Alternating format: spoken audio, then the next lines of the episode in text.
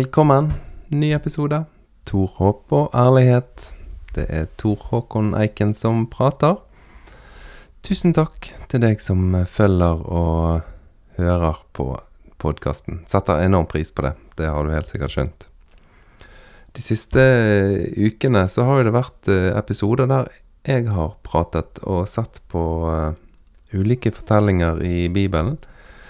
Gamle tekster som eh, noen av de har blitt kjent og har blitt brukt og har vært snakket om eh, i vår kultur. andre av de er jo mer eller mindre hoppet over. Vi har ønsket å ikke snakke om de, og, og det er gjerne fortellinger vi skulle ønske ikke fantes. Noen av de som, som du har hørt, har jo, er jo ganske groteske fortellinger.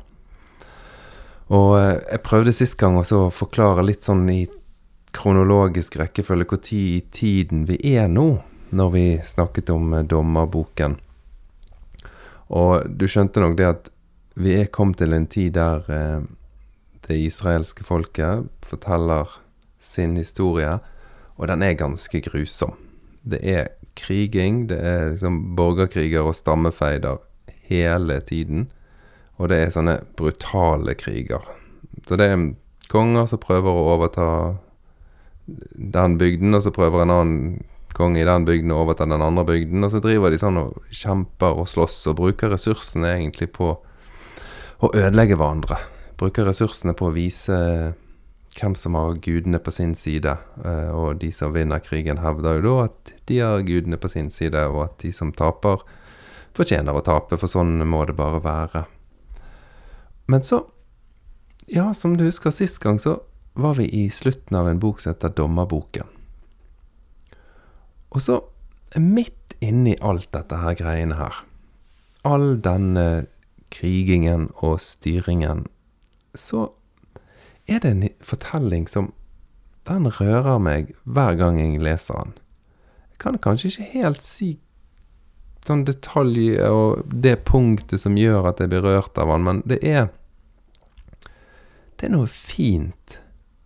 Og det syns jeg er så fascinerende. For den historien som da avsluttet dommerboken, som vi så på sist gang, den er jo sånn brutal uten grenser. Når du tenker at nå er det jammen nok, nå har brutaliteten nådd en grense som jeg ikke orker mer, så bare øker det på. Da blir det bare enda verre. Og så, midt inni dette her, så er det en liten bok. Og jeg tenker på disse som en, en gang i tiden har valgt ut bøker og fortellinger som skal være med i Bibelen. Hva har de tenkt med å putte Ruths bok midt inni alt dette forferdelige? For nå skal vi se litt på en eh, bok i Det gamle testamentet som da heter Ruths bok. Og som er en fortelling om egentlig to kvinner og deres relasjon. Og hvordan den relasjonen er større enn elendigheten rundt de. Og jeg lurer på om det er det som gjør at jeg blir rørt av denne fortellingen hver gang. Det er, det er egentlig en så enkel ting, da. At midt inni elendigheten, midt inni krig og nedslakting, så er liksom livet til stede mellom to mennesker og det er litt sånn inntrykk du får uansett hvor du leser i historien, og om du ser en film fra et krigsherjet land, sånt, så, så er det de der enkle, enkelte menneskemøtene. Så det er noe vakkert midt oppi det hele. Det er akkurat som du får følelsen av at de som opplever hungersnød og elendighet, de føler ikke det så eh, definitivt elendig som vi kan på en måte se det fra utsiden. For det at det er menneskemøter, og i menneskemøtene, folk som møter folk, så er det noe vakkert. Og så er det kontakt og relasjon. Og det har jeg lurt litt på. Om kanskje det er det disse her eh, som satt sammen disse bøkene, egentlig har tenkt. Altså, vet du hva, midt inni dette her så må vi faktisk ha en fortelling om mennesker som tar vare på hverandre også. Dette vet jeg ikke. Dette er bare fantasering. Men, men jeg har tenkt det når jeg har lest det. For det, det passer på en måte ikke inn. Det, her er folk fin, grei med hverandre. Og de støtter hverandre, de er trofast mot hverandre. Det er ikke sånn at når det passer seg best, så dolker jeg den andre i ryggen. Nei. Og så en veldig, veldig fin ting, syns jeg. Jeg liker å tenke hvem er det som skrev dette, og hvorfor skrev de dette? Og når jeg nå eh, Jeg tenkte jo at når jeg skal ha historien på podkast, så kan jeg liksom ikke bare snakke om det som jeg eh, alltid har lest eller hørt om denne fra før, så jeg måtte sjekke litt mer. Og så fant jeg en ja, Jeg vet ikke hvor mange det gjelder, men det, det så ut for meg som det var en jødisk arv rundt denne historien her, som sa at denne historien er det Samuel som forteller. Altså, for mange av dere som hører podkasten, så vet ikke dere hvem Samuel er. Jeg beklager det, det blir veldig internt dette her. Men Samuel er en veldig spesiell sånn profetskikkelse som kommer i bøkene etter Ruths bok. Han eh, var bl.a. veldig imot at det skulle bli kongedømme, dette her israelsfolket som nå hadde begynt å bosette seg i det landet de hadde drømt om så lenge. Dette måtte ikke bli kongedømme, ingen skulle være hersker, alle skulle leve og høre fra Gud sjøl og bli ledet i sin samvittighet og gjennom hans lov. Det var Samuel veldig opptatt av, og likevel så var det han som da ble kjent for å starte kongedømmet i Israel. Altså han er en veldig spesiell skikkelse. Og ja, vi, vi kommer nok innom han eh, mange ganger gjennom Tor håp og ærlighet, men jeg syns det var litt gøy når jeg leste det, at ja, i en jødisk tradisjon så tenker de at det var Samuel som fortalte denne historien. Og det er akkurat som Det er også en annen bok som heter Forkynnerboken. Og jeg husker første gang jeg fikk høre at jødisk tradisjon sa at det var Salomo, kong Salomo, som hadde skrevet Forkynnerboken. Altså, dette hvem som har skrevet og tradisjoner og sånn, det stemmer sikkert ikke. Og det er sikkert eh, flere som har vært involvert før fortellingen ble sånn som vi leser den nå. Men, men, for meg så var det sånn Ok, forkynnerboken. Kong Salomo. Den rikeste mannen i historien. Det gir meg litt mening å lese forkynnerboken, og det har blitt virkelig en av mine favorittbøker i Bibelen. Når jeg tenker at det er Salomo som har skrevet den. For det er jo en bok som handler om en person som forteller at han har måttet undersøkt alt mulig her i livet. Han er jo da den rikeste av de rike. Så han har prøvd en periode i livet å bare ikke nekte seg sjøl noen ting. Men bare ta alt han har lyst til. Og bare kjøpe og ha seksuelle forhold og bare leve helt grenseløst. Og så har han forsøkt i en periode å leve asketisk. Altså nekte seg alt og på en måte være åndelig og fordype seg i sannhet og religion og og ikke, ikke være opptatt av eh, Hva skal jeg si jordiske lyster. det er et dårlig begrep, men du skjønner sikkert hva jeg mener. Altså Han ikke begrenser seg i det hele tatt. Ikke la noen rammer for eh, eh overdådig sløsing hindre han. Bare gjøre alt han, så faller han inn, og det hadde jo han virkelig råd til å gjøre, og hadde jo en makt som konge til å gjøre det. Men så har han også forsøkt å gå i den andre veien og være veldig, veldig veldig asketisk og ha masse strenge regler for seg sjøl og undertrykke kroppen. Og så gjennom alle disse her forsøkene, da, så lander han på at ingen av de tingene er noe glede eller mening i. Det er litt sånn mellomvei som er livet. Ja, det var ikke den boken vi skulle snakke om nå, men etter jeg begynte å tenke på når jeg leste den, tenke at ja, dette er en superrik kong Salomo som jeg har lest om i andre bøker, som skriver dette, og dette er det han har kommet frem til når han er en gammel mann, ja, da ble den boken ganske meningsfull. Og det å lese Ruths bok med tanke på at ja, dette er han profeten som egentlig mente at konger ikke var en bra greie. Ingen mennesker skal regjere over folket eh, folket fungerer best hvis vi våger å stole på hjertet, følge lovene og følge Gud. Da vil dette fungere aller best. Um, Det å lese den boken da med, med det bak, bakteppet, det ble en helt annen, eh, helt annen mening. Så ja, det var nok innledning her. Nå skal vi, vi skal rett og slett uh, se litt på, på Ruths bok. Men før vi da ser på Ruths bok, så må jeg lese noe til dere fra lovene i femte Mosebok. Eller rettere sagt, vi begynner i tredje Mosebok. Det er jo midt i liksom lov, lovverket. Det er liksom, jeg har hørt folk snakke om at ja, jeg begynte fremst i Bibelen, og så prøvde jeg å lese igjennom. Men når jeg da kom liksom til slutten av andre Mosebok og begynte på tredje Mosebok, da stoppet jeg. Da orket jeg ikke mer. Og da skal jeg bare, mm, bare for å oppmuntre deg litt, da, til å være litt sånn uh, utholdende i dette, så skal jeg vise deg noen helt utrolig interessante ting som plutselig detter inn inni disse lovene. Og da står det sånn i femte Mosebok, og dette her har en tilknytning til den historien vi skal begynne på i dag, da, sånn at du vet at ikke du tror at jeg bare hopper helt vilt. Men der sier loven i femte Mosebok, og det er helt på slutten av kapittel 25, så sier eh, loven sånn Jord må ikke selges for all framtid. For landet er mitt, altså det er jo Gud som sier det, da. Landet er mitt, og dere er fremmede og innflyttere hos meg. Han her sier loven at det er Gud som eier kloden. Vi bare låner han. Vi låner naturen, og vi skal ikke selge og kjøpe jordområder for all framtid. I hele det landet dere eier eller leier, låner, skal dere gi mulighet til innløsing av jord.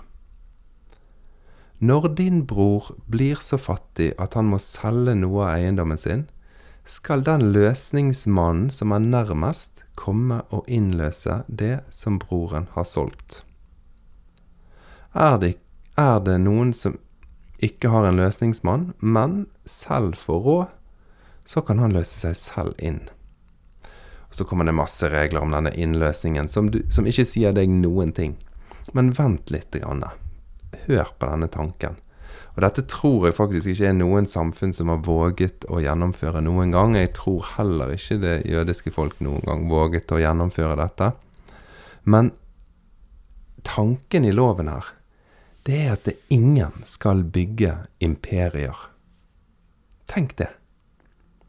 Litt vanskelig for oss å sette oss inn i, fordi vi er så innebygd med imperiebygging at sånn er det bare. Og imperiebygging, det høres så stort ut, men jeg skal bare ta en kort liten sånn tanke med deg som jeg håper du vil være med meg på. Imperiebygging, som denne loven da prøver å sette en begrensning for, den fører jo til større og større forskjeller mellom rik og fattig. Sånn er det bare. Og mennesket har gjennom alle tider, helt fra de første fortellingene som vi har snakket om, med en gang de får litt makt, og med en gang de får litt ressurser, så prøver en å bygge imperiet. Men her er det altså en lov som sier det at landområder skal ikke selges for all fremtid. Tenk hvis det var sånn i Norge, da. Tenk hvis det var sånn at nei, du får ikke lov å kjøpe leilighet nummer fem i Oslo sentrum. Fordi at din slekt eier nå hele denne gaten og hele denne gaten, og det gjør at leilighetene i Oslo er blitt så dyre at unge mennesker de får ikke anledning til å kjøpe seg leilighet. Så det fører til at istedenfor å kjøpe seg sin egen bolig, så leier de en av dine 8, 10, 15, 20 leiligheter, sånn at din slekt blir enda rikere, sånn at det for neste generasjon blir enda større forskjell. For da vil dine barn eie mange kvartaler og være tjukk i penger, mens disse menneskene som ikke fikk anledning til å kjøpe seg sin egen leilighet, men som leide hos deg, de har fortsatt ikke klart å kjøpe seg en leilighet. Tenk hvis det fantes en lov som begrenset det. Ja, skjønner du meg? Og så tenker du tredje Mosebok, det er kjedelige stoff. Ja, tenk på det. Disse folkene satte seg ned og tenkte ja, her er vi et slavefolk. Vi er et fattigfolk. Og hvordan skal vi lage lover som sørger for likhet mellom mennesker? Og så står det lenger nede i den samme, her, samme kapitlet så står det snakk om at Og når din bror blir så fattig at han må låne penger av deg, så skal ikke du låne han penger for at du skal tjene penger på det. Du har ikke lov å ta renter av han. Tenk hvis det var sånn, da. Tenk hvis det var sånn at lån ikke skulle rentes. For det, er jo en påbygging av denne imperiebyggingen. Sant? De som har mye penger, de kan leve veldig godt av å bare ha mye penger. Låne til de som ikke har så mye penger. Og så kan hele denne runden bare forsterke seg og forsterke seg og forsterke seg. En veldig interessant debatt på en måte å se at den debatten der er i Bibelen hele tiden. Litt etter hvem som skriver de forskjellige bøkene, så vil du se at det kommer sånne stemmer som sier nei, vi skal ikke ha imperiebygging. Nei, vi skal ikke ha en konge. Husk at vi har vært slaver, vi har vært flyktninger, vi har bodd i et annet land. Og vi skal ta oss av den fremmede som kommer til oss, som en av oss sjøl. Du finner sånne stemmer. Og så finner du sånne stemmer som sier helt klart at Gud har innsatt en konge, og kongen skal ha makt over folket, og folket skal adlyde kongen. Så du finner stemmer som er veldig sånn, klar på at imperiebygging er greit og riktig, da. Og sånn må det nesten bli når folk får makt, og de har makt over hvem som skriver og, og forteller videre. Da blir det liksom sånn underbygget at det er lov. Men for meg ser det ut som at det ligger en rød tråd under alt her, der en prøver å få frem imperiebygging. Det er et onde, og at enhvert imperie går etter hvert på trynet. Fordi at avstanden mellom rik og fattig blir så stor at de fattige til slutt ikke takler mer, og så blir det krig eller sykdom eller sultenød, eller som i Romerriket, der de sier at det var én million innbyggere i byen Rom, og så var det mye sykdom og pest og mangel på mat, og de rike ble rikere, og de fattige ble fattigere. Så til slutt så bodde det bare 30 40 50 000, altså sånn en liten forstadsby var igjen av befolkning, da. Og sånn er liksom en, en underliggende tråd gjennom Bibelen, opplever jeg. At imperiebygging, det vil alltid gå galt. Men at vi mennesker, vi godtar det, og vi på en måte søker imperiebygging. Vi syns det er litt kult med disse som tar makten og blir rike og store og bestemmer over andre. Ja, da skal ikke vi gå veldig inn på dette. Men dette er en liten sånn innledning, dette med å løse. Det har rett til å løse ut eiendom. Um, og nå husker du på igjen at jeg har lest at det er en mann som het uh, se, uh, Nei, en profet som het Samuel, som hadde skrevet denne Ruths-boken. Ok. I de dager da dommerne styrte, ble det en gang hungersnød i landet. Da dro en mann av sted fra Betlehem i Juda for å slå seg ned i Moabs sletteland sammen med sin kone og sine to sønner. Bare den innledningen er ganske fascinerende. For da er det en mann, en israelitt, som reiser fra Betlehem. Betlehem betyr noe sånn som brødlandet, eller stedet der det er brød. Men der var det hungersnød. Så han drar til Moab for å slå seg ned sammen med sin kone og sine to sønner. Og hvis du vet hvor opptatt de jødiske fortellerne her har vært av at israelittene ikke skal blande seg med andre folk, så er det ganske fascinerende at de forteller en fortelling om noen som flytter til Moabs land. Leser du dommerboken som jeg nevnte forrige episode, der det var hele tiden krig, så vil du se hvor utrolig mange ganger Moab og israelittene undertrykker hverandre. Liksom de bytter på det. Når den ene får makt over den andre, så undertrykker den den. Selv om du finner selvfølgelig, du finner en del verser som forteller at de ikke skal krige mot hverandre, og de skal være venner. Men det er ganske fascinerende at denne boken handler om at en israelitt reiser til Moabs land og blir innvandrer i blant moabittene. Og husker du at døtrene til han Lot, som var i Sodoma, den eldste av de, fødte en sønn som var blitt til gjennom incest med faren. Og den sønnen ble forfar til moabittene, altså til det landet som da eies av det, der som denne her israelitten nå reiser. Mannen het Elimelek, og hans kone het Naomi. Naomi betyr vakker, eller noe i den stilen.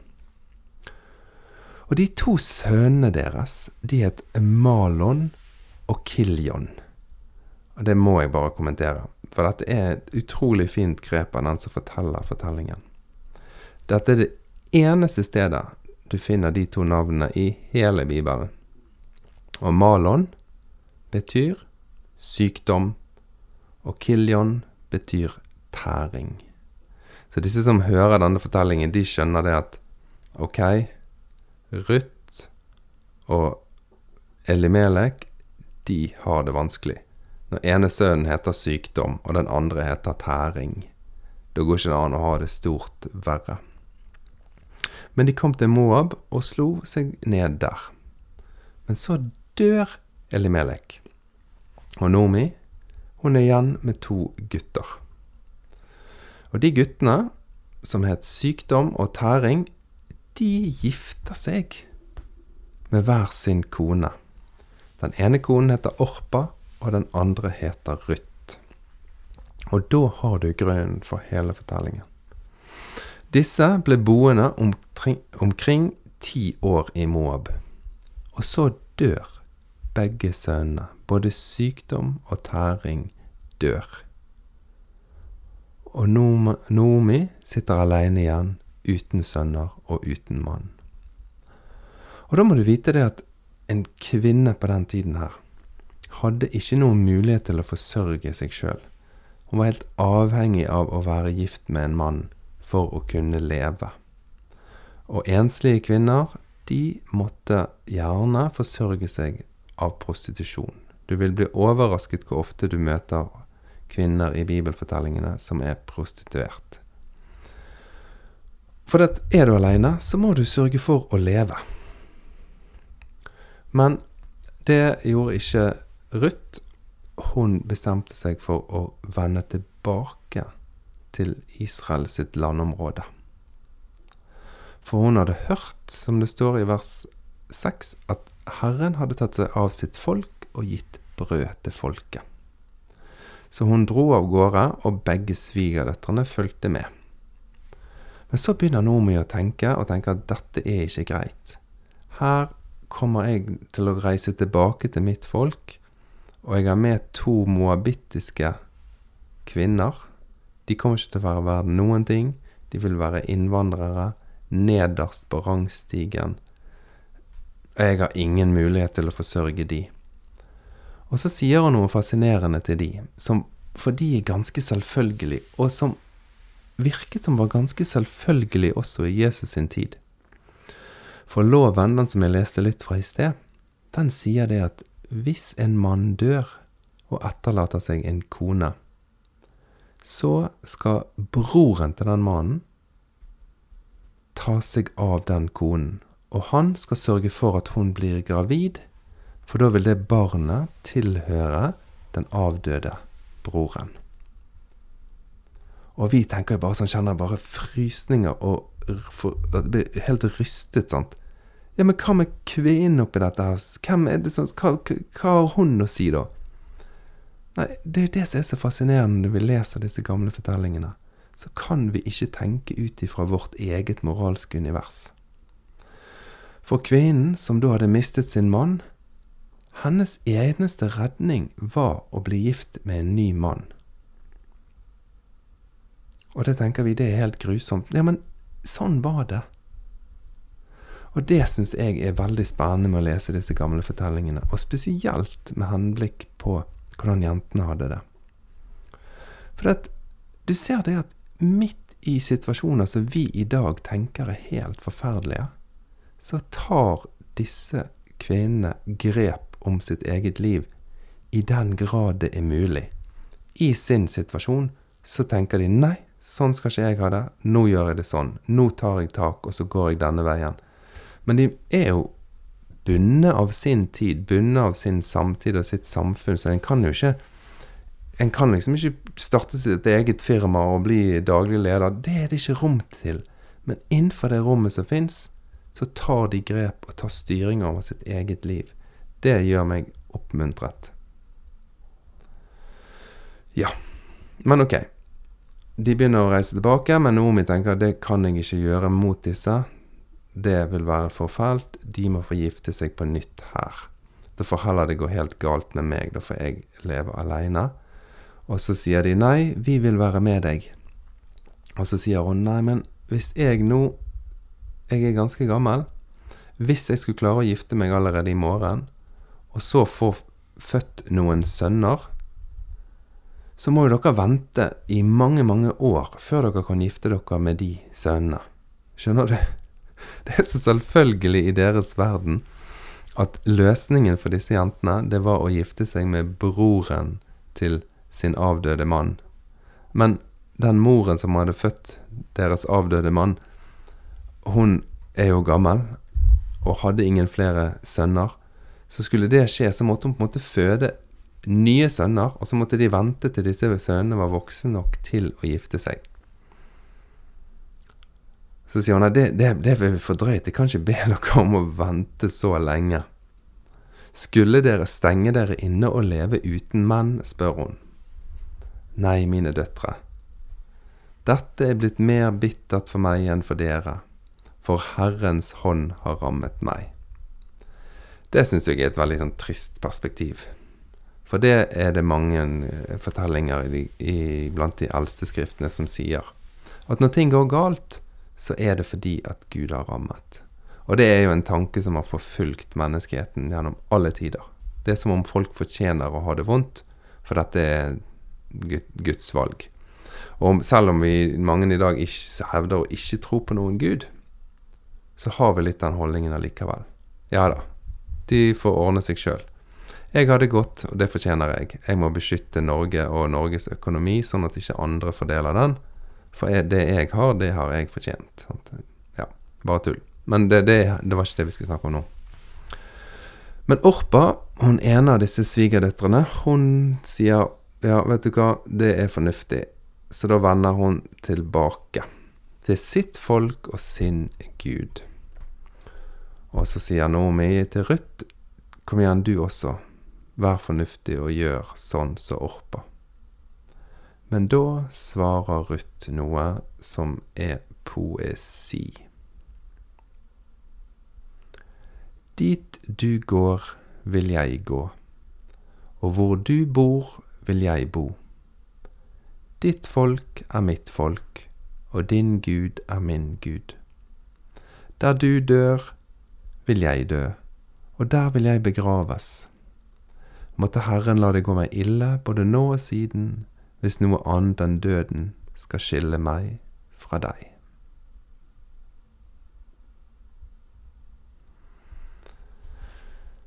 Ja. Dette overtalte Nomi, og Nomi sa ok, du får bli med meg. Og da de kom til Betlehem, den lille, lille bygden som Nomi kommer fra, så ble det stort oppstyr og kvinnene sa, Er dette Nomi? Men Nomi svarte, Kall meg ikke Nomi, kall meg heller Mara, for den veldige har gjort livet meget bittert for meg. Rik dro jeg bort, fattig har Herren latt meg vende tilbake. Hvorfor kaller dere meg Nomi, når Herren har vitnet mot meg, og når den veldige har latt det gå så ille med meg. Og Der stopper vi for denne gangen. To ensomme kvinner som ikke er ensom, for de har hverandre. Vennskapet mellom de to er sterkere enn hungersnøden, sterkere enn frykten for framtiden, sterkere enn mørke og krig som herjer rundt de. til og med sterkere enn samfunnsordningene. Og husk på, hvis du klarer, de tingene jeg leste fra loven, om løsning og det å ikke eie land for alltid. For denne fortellingen inneholder mye, mye visdom, mener jeg. Men vi må klare å se gjennom de forferdelige filtrene av kvinneundertrykkelse som ligger over hele fortellingen. Vi møter utfordringer, noen og enhver av oss, i ulik grad. Og vi har den evnen til å møte mennesker og vennskap som blir sterkere enn utfordringene. Ja. Dette er Tor Håp og ærlighet. Neste fredag klokken 07.00 så kommer det en ny episode. Vi høres.